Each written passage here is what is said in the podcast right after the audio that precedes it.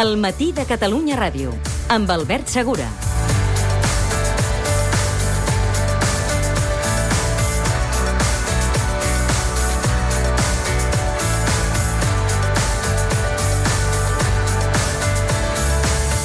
Són les 10 i 10, la cinquena onada va a la baixa, a poc a poc continua baixant la pressió hospitalària, però es mantenen estables tant la xifra de casos nous com de, de funcions.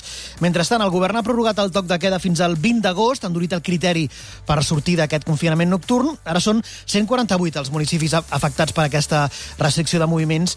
Entre aquests municipis no hi ha calonja, cosa que a l'alcalde Jordi Soler no li sembla gens bé. Estic absolutament estupefacte, estic indignat i l'única cosa que em queda és senzillament convidar tots aquests senyors que han decidit que Calonja i Sant Antoni no entrin dintre del confinament a passar un parell de nits a Sant Antoni, veuran el que és, el que significa tot això, que no tinguin cuidado, que de lloc ja en trobarem perquè la gent va abandonant els hotels i els apartaments i que penso que al fi al cap tot això és eh, collonar el personal. I és que no tenir toc de queda diu que pot comportar un efecte crida per a centenars de persones amb, amb ganes de gresca. Això és evident, pot ser una font de contagi d'aquesta variant, la, la Delta, que sabem que s'escampa molt més que cap altra coneguda fins ara. D'aquestes mesures i de la situació actual de la pandèmia en volem parlar ara amb la doctora Magda Campins, cap del Servei de Medicina Preventiva i Epidemiologia de l'Hospital General d'Hebron. Doctora Campins, bon dia. Hola, molt bon dia. Eh, què li passa pel cap quan veu imatges com, com aquestes dels botellons que es fan a, a Calonja, a la Costa Daurada, o, de fet, aglomeracions com les que estem veient aquesta mateixa setmana al barri de, de Gràcia de Barcelona, a la Festa Major? Bé, doncs m'angoixa. M'angoixa molt perquè és, eh, vivim com en una realitat paral·lela, no? Al carrer hi ha una sensació de normalitat, com si no estiguéssim en pandèmia. Eh, sembla que, bueno, inclús la, la memòria històrica de, de, dels moments tan durs que van passar en la primera onada eh, sembla que hi ha molta gent que no se'n recorda, no? I, I després la realitat que vivim als hospitals en aquests moments encara doncs, amb un número de pacients ingressats important i sobretot a nivell de les UCIs, que és cert que que, que a poc a poc va, va baixant el número d'ingressats, pràcticament estàvem, havíem arribat pràcticament a 600 i ara pues, estem a 500, no?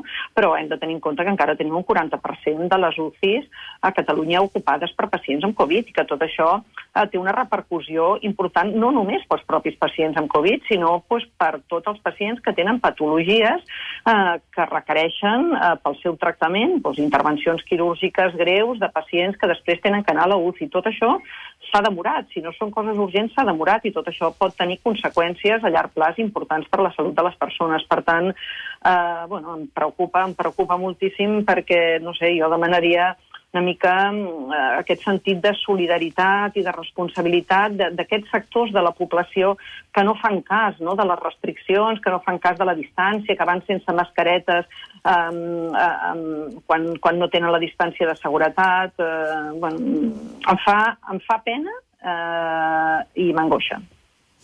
Ara tenim setmanes d'experiència amb aquesta variant Delta, que no parem de repetir que és més contagiosa.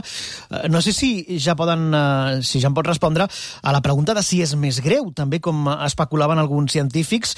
Eh, què esteu detectant als hospitals? Per exemple, als Estats Units crec que era alguns metges alerten que hi ha més nens hospitalitzats. És més greu aquesta variant Delta? Veure, mm, com bé dieu, dades definitives no n'hi ha. Sí que hi ha eh, algunes dades, per exemple, als Estats Units, i aquí i aquí també també ho hem vist, no? Mm, no? No potser tant com ho estan veient ells, però sí que en aquesta cinquena onada hem tingut més ingressos amb nens que no pas hem tingut amb les, amb les, amb les altres onades, no? Hem tingut eh, més casos de nens amb pneumònies, no? que abans, a la primera onada, sí que els ingressaven, però en aquells moments perquè desconeixíem quina era la gravetat que podien tenir. Llavors era més per observació, però després van veure que els casos eren lleus i, per tant, no feia falta, no? I en les altres onades, de fet, nens n'han ingressat molt pocs, no? Ara sí que en aquesta cinquena onada hem vist una miqueta més de, una mica més de, de, de nens que, que han requerit ingrés. Però, bueno, una cosa realment també poc, eh, bona incidència realment baixa. Eh? O sigui que no, no, no és un tema molt preocupant en aquests moments. El que, el que sí que ens ha preocupat i la diferència important respecte a les altres onades ara ha sigut el tema de les gestants, no? Eh, sí. Les embarassades, eh, potser perquè, lògicament, aquesta cinquena onada ha afectat més a gent jove, doncs, lògicament, pues, ha, ha afectat més pues, a les gestants que estan dintre d'aquests grups de, de persones joves, perquè les persones més grans, pues, la, una, una part molt important estaven vacunades, no?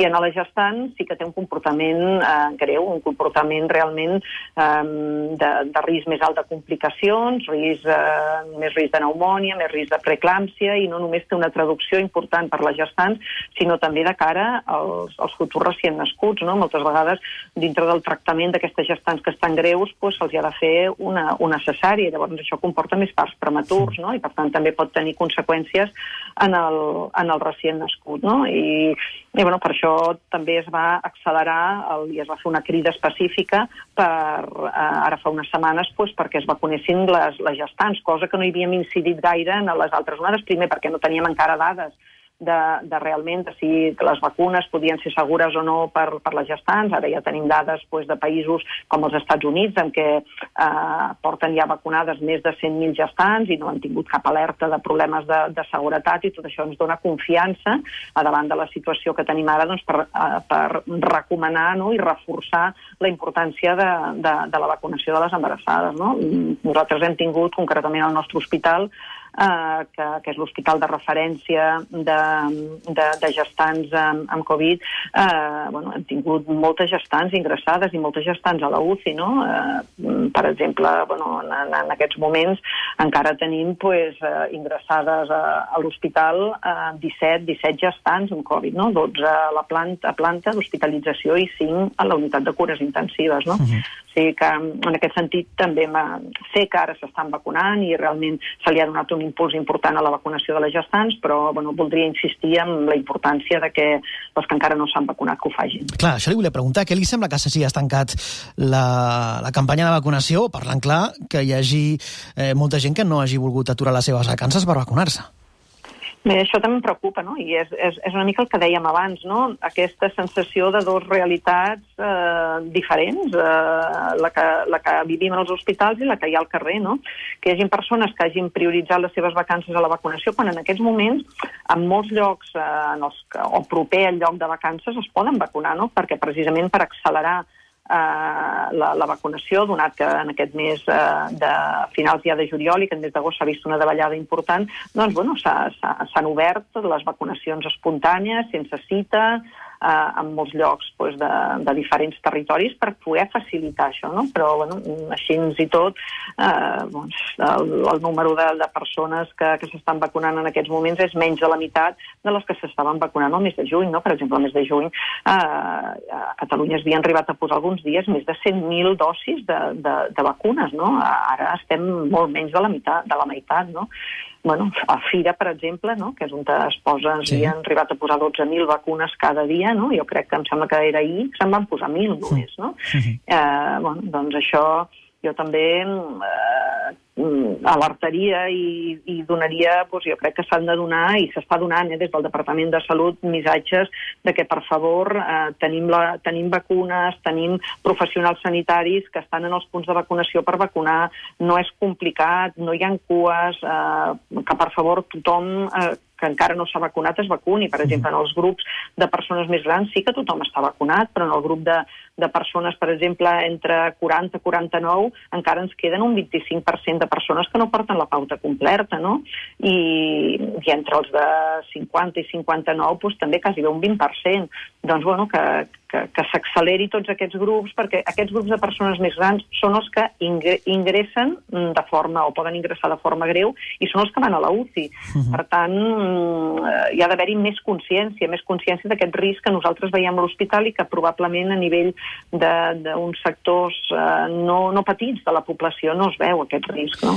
Els que havien eh, passat la malaltia s'havien d'esperar sis mesos, ara aquest termini baixa fins a dos mesos, no sé eh, si li sembla una mesura encertades i què significa això sobre, eh, per l'efectivitat de la vacuna i també què passa amb els que s'han infectat després de rebre la primera dosi i, i, i diguem-ne que eh, tenen només una vacuna. És efectiva aquesta vacuna? Si la reben dos mesos després, eh, pot tenir més o menys efectes secundaris?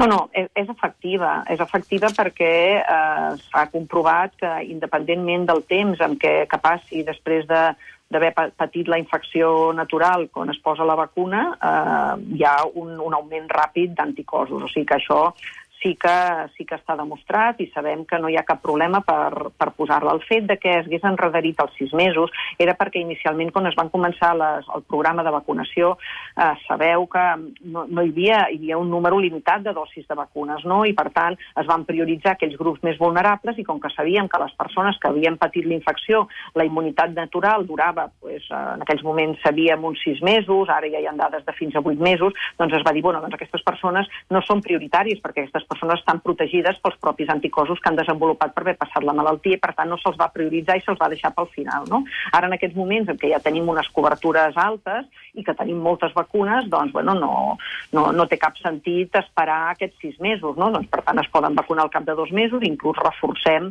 reforcem la, la protecció davant d'aquesta variant Delta, que sabem que sí que és efectiva per prevenir eh, o per evitar complicacions i per evitar hospitalitzacions i casos greus, però sabem que en quant a evitar la infecció en si eh, té una efectivitat més baixa, no? I per això s'ha fet. O sigui, jo crec que és una mesura encertada i ningú ha de tenir cap, eh, cap problema o cap dubte per, per ara vacunar-se els dos mesos envers d'esperar-se els sis mesos.